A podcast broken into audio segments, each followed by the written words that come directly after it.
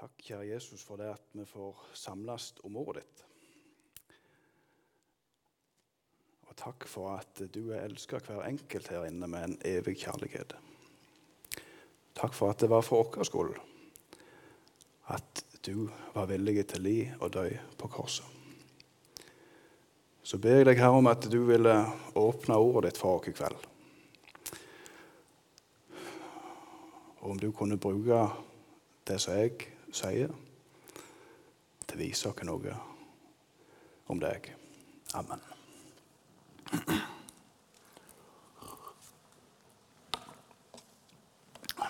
Overskriften er 'Se din konge kommer til deg'.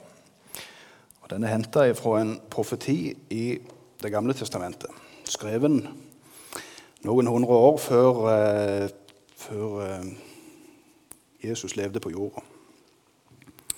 I Zakaria kapittel 9 og vers 9. Og Den er sånn Rop med fryd, Sions datter. Rop høyt, Jerusalems datter. Se, din konge kommer til deg. Rettferdig er han og full av frelse. Saktmodig er han og rir på et esel, på den unge eselfolen. Og Palmesøndag det er dagen da dette gikk i oppfyllelse. Da Jesus rei inn i Jerusalem på et esel. Men han var så annerledes enn den kongen folk forventa, at de endte med å forkaste han. Og Noen dager seinere sto de der på langfredag og ropte 'korsfest'. Vi skal lese om hans inntog i Jerusalem på palmesøndag, sånn som det er gjengitt i Lukas evangelium i det 19. kapittelet og ifra vers 28. Jesu navn. Da han hadde sagt dette, dro han videre fram på sin vandring opp til Jerusalem. Og det skjedde da han kom ned til Betfage og Betania, til, til det berg som kalles Oljeberget. Da sendte han to av sine disipler av sted og sa:" Gå inn i den landsbyen som ligger foran dere. Når dere kommer inn i den, skal dere finne en fole som står bundet, og som aldri noe menneske har sittet på. Løs den og før den hit. Og om noen spør dere hvorfor løser dere den, da skal dere svare Herren har bruk for den. De som ble sendt, gikk da av sted og fant det slik han hadde sagt dem. Da de løste folen, sa de som eide den, hvorfor løser dere folen? De sa, Herren har bruk for den. Så leide de folen til Jesus. De la kappene sine på den og lot Jesus sette seg på den. Og som han nå dro fram, bredte folk kappene sine ut på veien. Men da nærmet seg nedstigningen fra Oljeberget, begynte hele disippelflokken i glede å love Gud med høy røst for alle de kraftige gjerninger de hadde sett. De sa, 'Velsignet være Kongen som kommer i Herrens navn', fred i himmelen og ære i det høyeste. Noen av fariseerne i folkemengden sa til ham, 'Mester, irettesett dine disipler.' Men han svarte og sa, 'Jeg sier dere, om disse tider så skal steinene rope.' Da han kom ned og så byen, gråt han over den og sa, 'Visste også du, om enn først på denne din dag, hva som tjener til din fred?' Men nå er det skjult for dine øyne.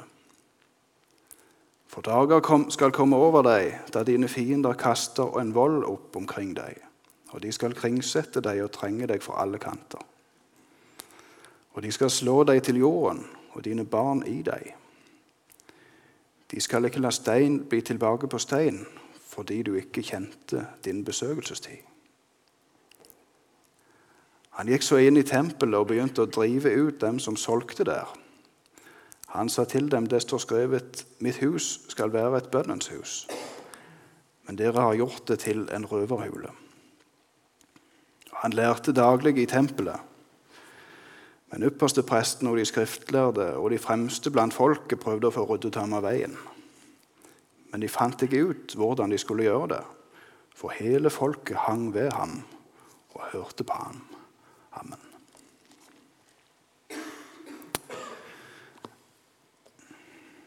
Jesus får en kongelig mottagelse på vei til Jerusalem. Og Alle fire evangeliene forteller om dette og er med litt forskjellige detaljer. Matteus skriver at hele byen kom i bevegelse. Markus skriver at mange breidde ut klærne sine på veien, og andre strødde, strødde løvgreiner så de hogg på markene.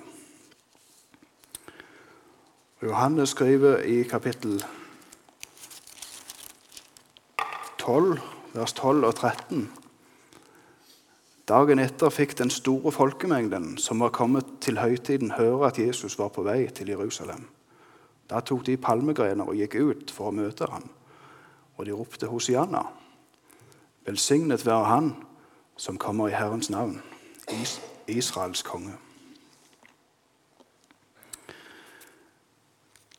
Men eh, til tross for mottagelsen så står det at Jesus gråt over byen.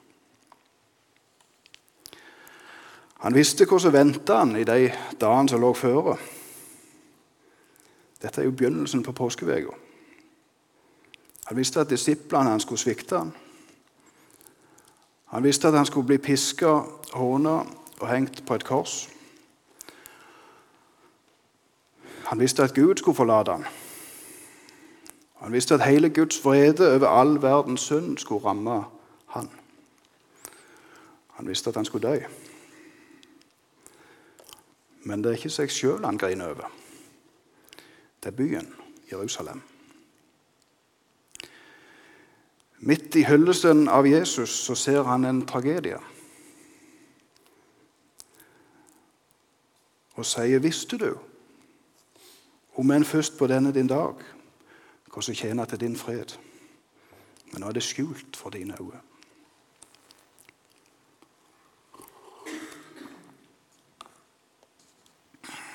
Sørget han for at Jerusalem skulle bli ødelagt av fiender noen år senere, i år 70. Det kan godt hende. Eller at byen, eller folk i byen ropte 'korsfest' på langfredag. Det gjorde han nok òg. Men han sier altså 'på denne din dag', på palmesøndag, den dagen da byen hyller Jesus som konge, med hosianarop med palmegreiner og med kappa på veien. På den dagen var det skjult for byen hva som tjente til deres, eller folk i byen hva som tjente til deres fred. Grunnen til at Jesus blir tatt imot som en konge, er ikke at inntoget så så imponerende ut. Det er ikke en hærfører høyt til hest i spissen for et følge av soldater som rir inn. Det er en fattig mann på et esel med noen like fattige disipler rundt seg. Grunnen til mottagelsen må være at folk så noe de kjente igjen fra Det gamle testamentet. Om en konge som skulle komme riende på et esel. De så oppfyllelsen av en profeti om Messias. Den kongelige mottagelsen er til uttrykk for tro på Gud og forventninger til Han.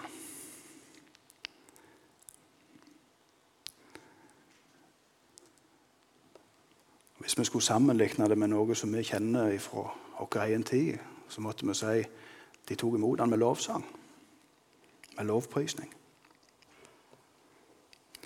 Men allikevel sier Jesus at det er skjult for byen hva som tjener til deres fred.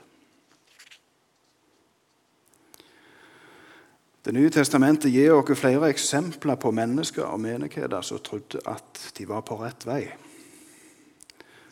men som ikke hadde grepet hvem Jesus er, hva han vil være for oss, eller hadde kommet på avstand fra han og glemt han. Sånn at han sto på utsida av døra og bankte. Det gjør at vi som kristne og som kristen forsamling må stille oss spørsmålet om Jesus må sørge over oss. Om det er skjult for oss hvordan tjener til oss fred. Vi må våge å la Gud tale til oss om disse tingene gjennom sitt ord. Hva var det som var skjult for Jerusalem? Først og fremst tror jeg det var det at Jesus hadde kommet for å frelse folket sitt fra syndene deres. Maria fikk, Mor hans fikk beskjed fra Gud om å gi navnet Jesus. For som det står han skal frelse folket sitt fra syndene deres. Det var hovedsaken for Gud. Men folk flest den gang som nå levde kanskje ganske greit med synden sin. Derimot hadde de en del andre ting som Gud kunne få lov å hjelpe dem med.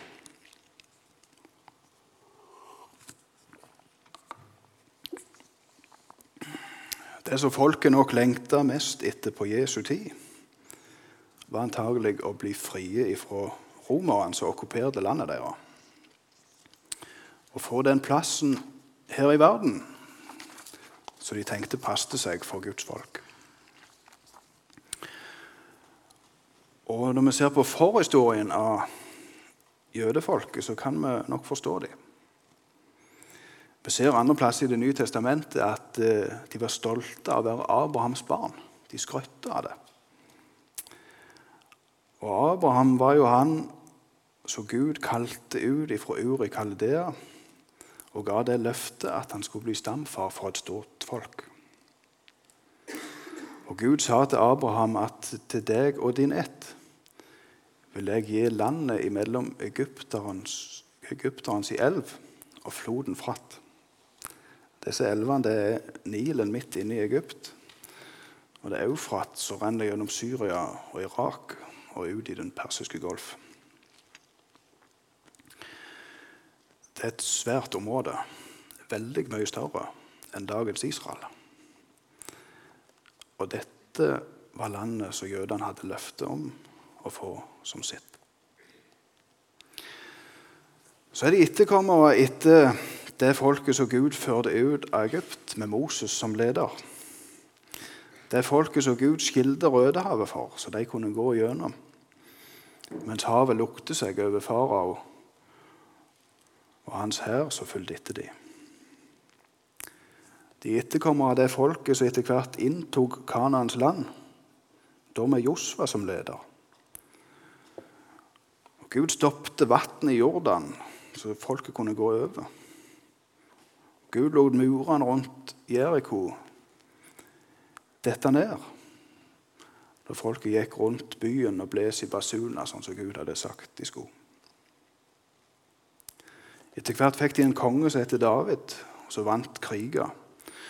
Og så inntok Jerusalem, selv om de som holdt til der, sa at det gikk ikke an. Og David hadde en sønn som het Salomo, som bygde et tempel til Guds ære. Og som var så vis at han var kjent for det i landene rundt. Så er jødene på Jesu tid redusert til en annenrangs provins i en utkant av Romerriket. Et område som romeren bare trenger å ha kontrollen over for å beskytte kontransporten sin fra Egypt til Italia. Og Jødene hadde på Jesu tid noen småkonger som styrte litt sånn på romerne sin nåde. Det var korrupsjon i landet, det var landsforræderi. Jøder gikk tjeneste for romerne som tollere. De satt der og krevde inn avgift fra sine egne, og gjerne litt mer enn de skulle, sånn at de hadde noe å stikke i sin egen lomme. En av de het Sakkeus. I tillegg var det 400 år siden Gud hadde sendt en profet. Det er ikke så løye at folket tenkte det var på tida at Gud viste sin makt. At han kom og grep inn. At han ga folket sitt tilbake sin rettmessige plass i verdenshistorien. Så kommer Jesus.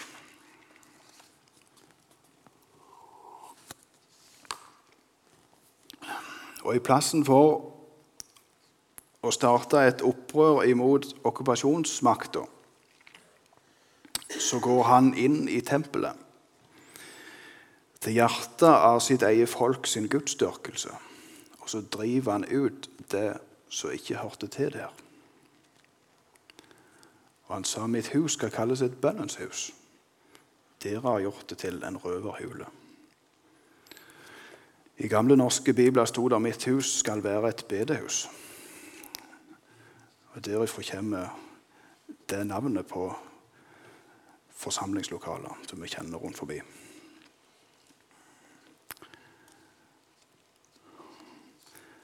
Jødene visste ikke at Jesu rike ikke var av denne verden. Han kom ikke for å sette seg på ei trone her på jorda. Men han sa at han skulle opphøyes på den måten som Moses opphøyer kobberslangen. Den slangen av kobber som Moses setter opp i toppen av ei stang, sånn at de i leiren som var betne av slanger, kunne se opp på den kobberslangen og leve.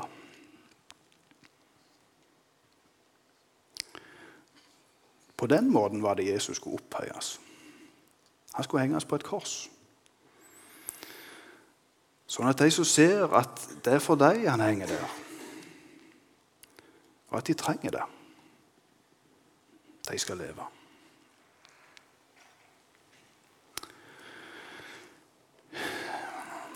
Hans seier var så mye større enn det folket forventa.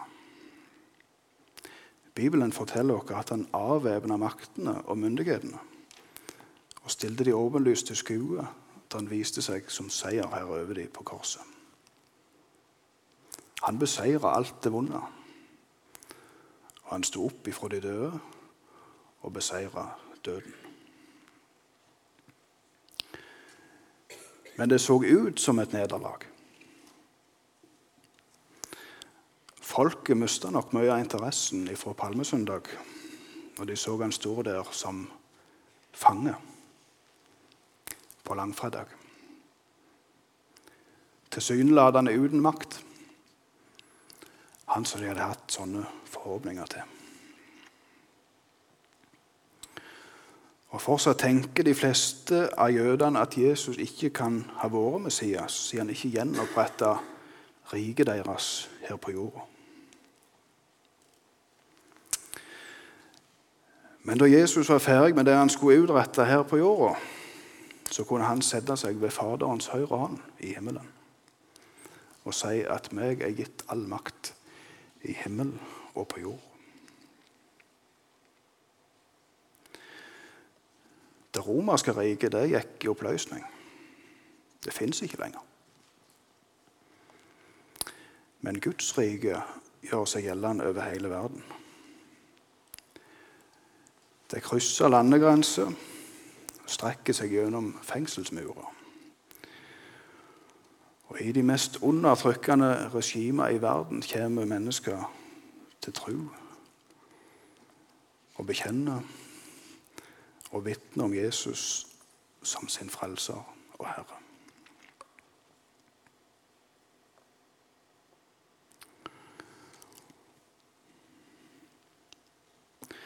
Og det var og er skjult for jødene at Jesus åpna veien til Gud. Men forfatteren av hebreerbrevet hadde sett det og skriver i kapittel 10, vers 19-23. Brødre, vi har altså i Jesu blod frimodighet til å gå inn i helligdommen. Til den har han innviet for oss en ny og levende vei gjennom forhenget. Det er hans kjød. Og vi har en stor prest over Guds hus. Så la oss da tre fram med sannferdig hjerte i troens fulle visshet, med hjertet renset fra en ond samvittighet, og med legemet badet i rent vann. La oss holde urokkelig fast ved bekjennelsen av vårt håp, for Han er trofast, som gav løftet.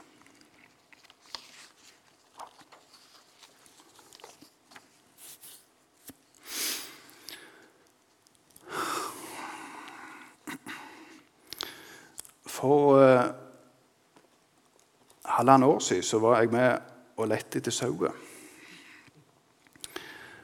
Og uh, oppi heia, og vi fant en flokk.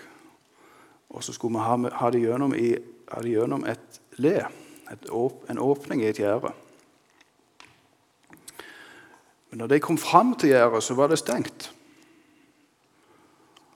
Og så for de litt tilbake og satt tilbake noen steiner, og sånn, så de så ikke at vi åpna opp. Når de så kom fram til åpningen igjen, så var gjerne to meter brei, så så de han ikke. De sto der med en åpen vei rett framfor seg. Så nemme som det. Men de ble stående helt til et lam tok noen steg fram og oppdaget at det var åpent. Og så fulgte de andre etter.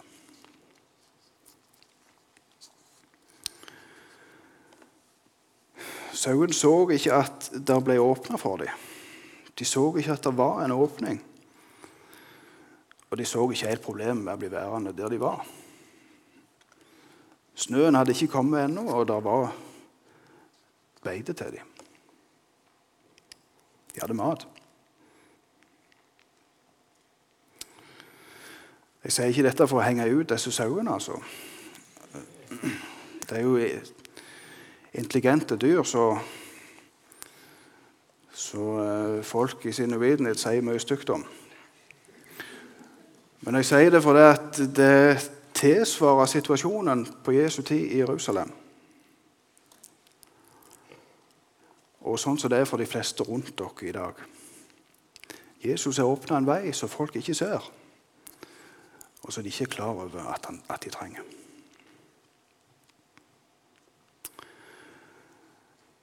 Så vet vi ut ifra Bibelen at eh, når vi samles i Jesu navn, så er han midt iblant dere. Og han møter dere i sitt ord. På den måten så er dette din dag. Og det gjelder for deg at din konge kommer til deg. Hva innebærer det, da? I Norge er vi jo vant med den kongen vi har, som er en koselig, gammel mann. Og eh, så har så sin oppgave at han ikke skal mene så veldig mye. Han skal ikke ha så sterke meninger. Og når han gir uttrykk for en mening om noe, så er det som regel noe som er politisk korrekt. Noe som de fleste vil være enig i. Han følger med i tida. Og da Stortinget på slutten av 70-tallet bestemte med én stemmes overvekt at i Norge skulle vi ha en lov om såkalt selvbestemt abort, så setter kong Olav navnet sitt på den loven. Sånn er det i et demokrati. Kongen retter seg etter folkeviljen. Sånn en konge er ikke Jesus. Han kommer ikke til oss for å gi et klapp på aksla og si at han støtter oss i alt vi finner på, uansett hva det er. Han kommer ikke for å si 'bare fortsett sånn, du. Alle andre gjør det jo'. Eller han kommer, ikke, han kommer ikke for å si at dette må være greit i 2019. Han uh, følger ikke med i tida. Han er i går og i dag den samme, ja, til evig tid, sier Bibelen. Og Han kommer til deg og meg med evige sannheter om rett og galt om synd og bud, omvendelse, frelse, tilgivelse og evig liv. Det kan være ting i ditt liv som Jesus vil drive ut. Sånn som han rensa tempelet i Jerusalem. Han kommer ikke for å se gjennom fingeren med synden vår, men for å frelse oss fra dem. Han har sagt 'Jeg er veien, sannheten og livet'. Ingen kommer til Faderen uten ved meg. Og han har faktisk sagt at veien til livet er smal. På den veien er det ikke plass til å dyrke din egoisme, din pengekjærlighet, eller for at vi skal leve ut lysten vår uten grenser. Det er ikke plass for å slå seg til ro med løgn, baktalelser, grovt snakk, misunnelse eller noe annet av det som Bibelen peker ut som synd. Samtidig, så veien er smal, så er han åpen. Jesus har sagt, 'Kom til meg, alle de som strever og bærer tunge byrder, og jeg vil gi dere hvile.' Det er ingen garanti for at veien til himmelen går gjennom et makelig liv med rikdom, god helse eller popularitet. Tvert imot så handler det om å følge i sporene etter en som møtte mye vondt her på jorda. Som møtte misforståelser, hån, forakt, svik og kors. Men det er veien til Gud. Jesus er veien til Gud. Og sannheten og livet er der i bestemt form, entall. Og Jesus har sagt til sine disipler Se, jeg er med dere alle dager inntil verdens ende.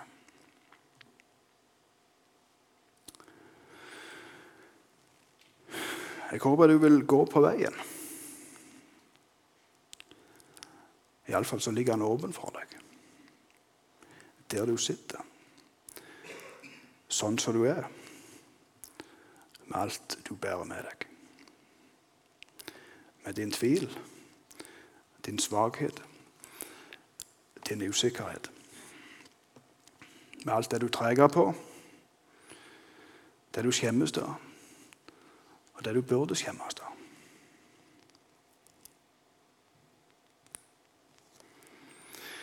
Det syndfrie perfekte livet som du og jeg ikke får til å leve, det er Jesus levd for oss.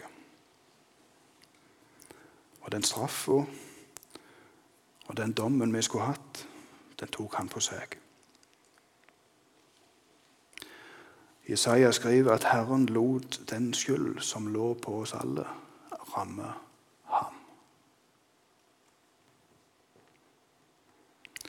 Og Jesus sa før han utånda på korset det er fullbrakt.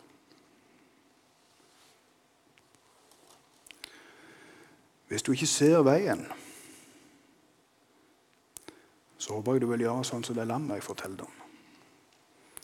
Så tok noen prøvende steg framover og fant at stengselet var vekke. At veien hjem lå åpen.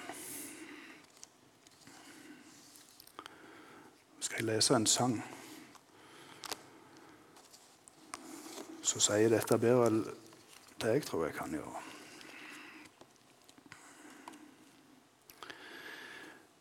Du kan ikke tro om en kjære så hør.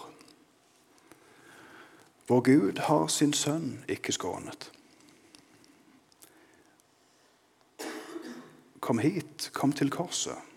Se Frelseren dør foraktet, forlatt og forhånet. Han sonet all verdens misgjerning. Når blodet da virket så kraftig hos Gud at han lot seg evig forsone, og derfor alene vil ta deg til brud og gi deg den himmelske krone, så la du deg dermed òg nøye. Ja, blodet som rant, det har rundet for deg. Gud godtok det offer han brakte. Det gjelder for alle, for deg som for meg. For oss var det døden han smakte. Rettferdige er vi i Jesus. Så søk da alene hos Kristus din ro, for der er du trygg i all fare. Bli liten, bli barn, bli enfoldig og tro. Bli en blant de synderes skare, som kun vet at takke og love. Amen.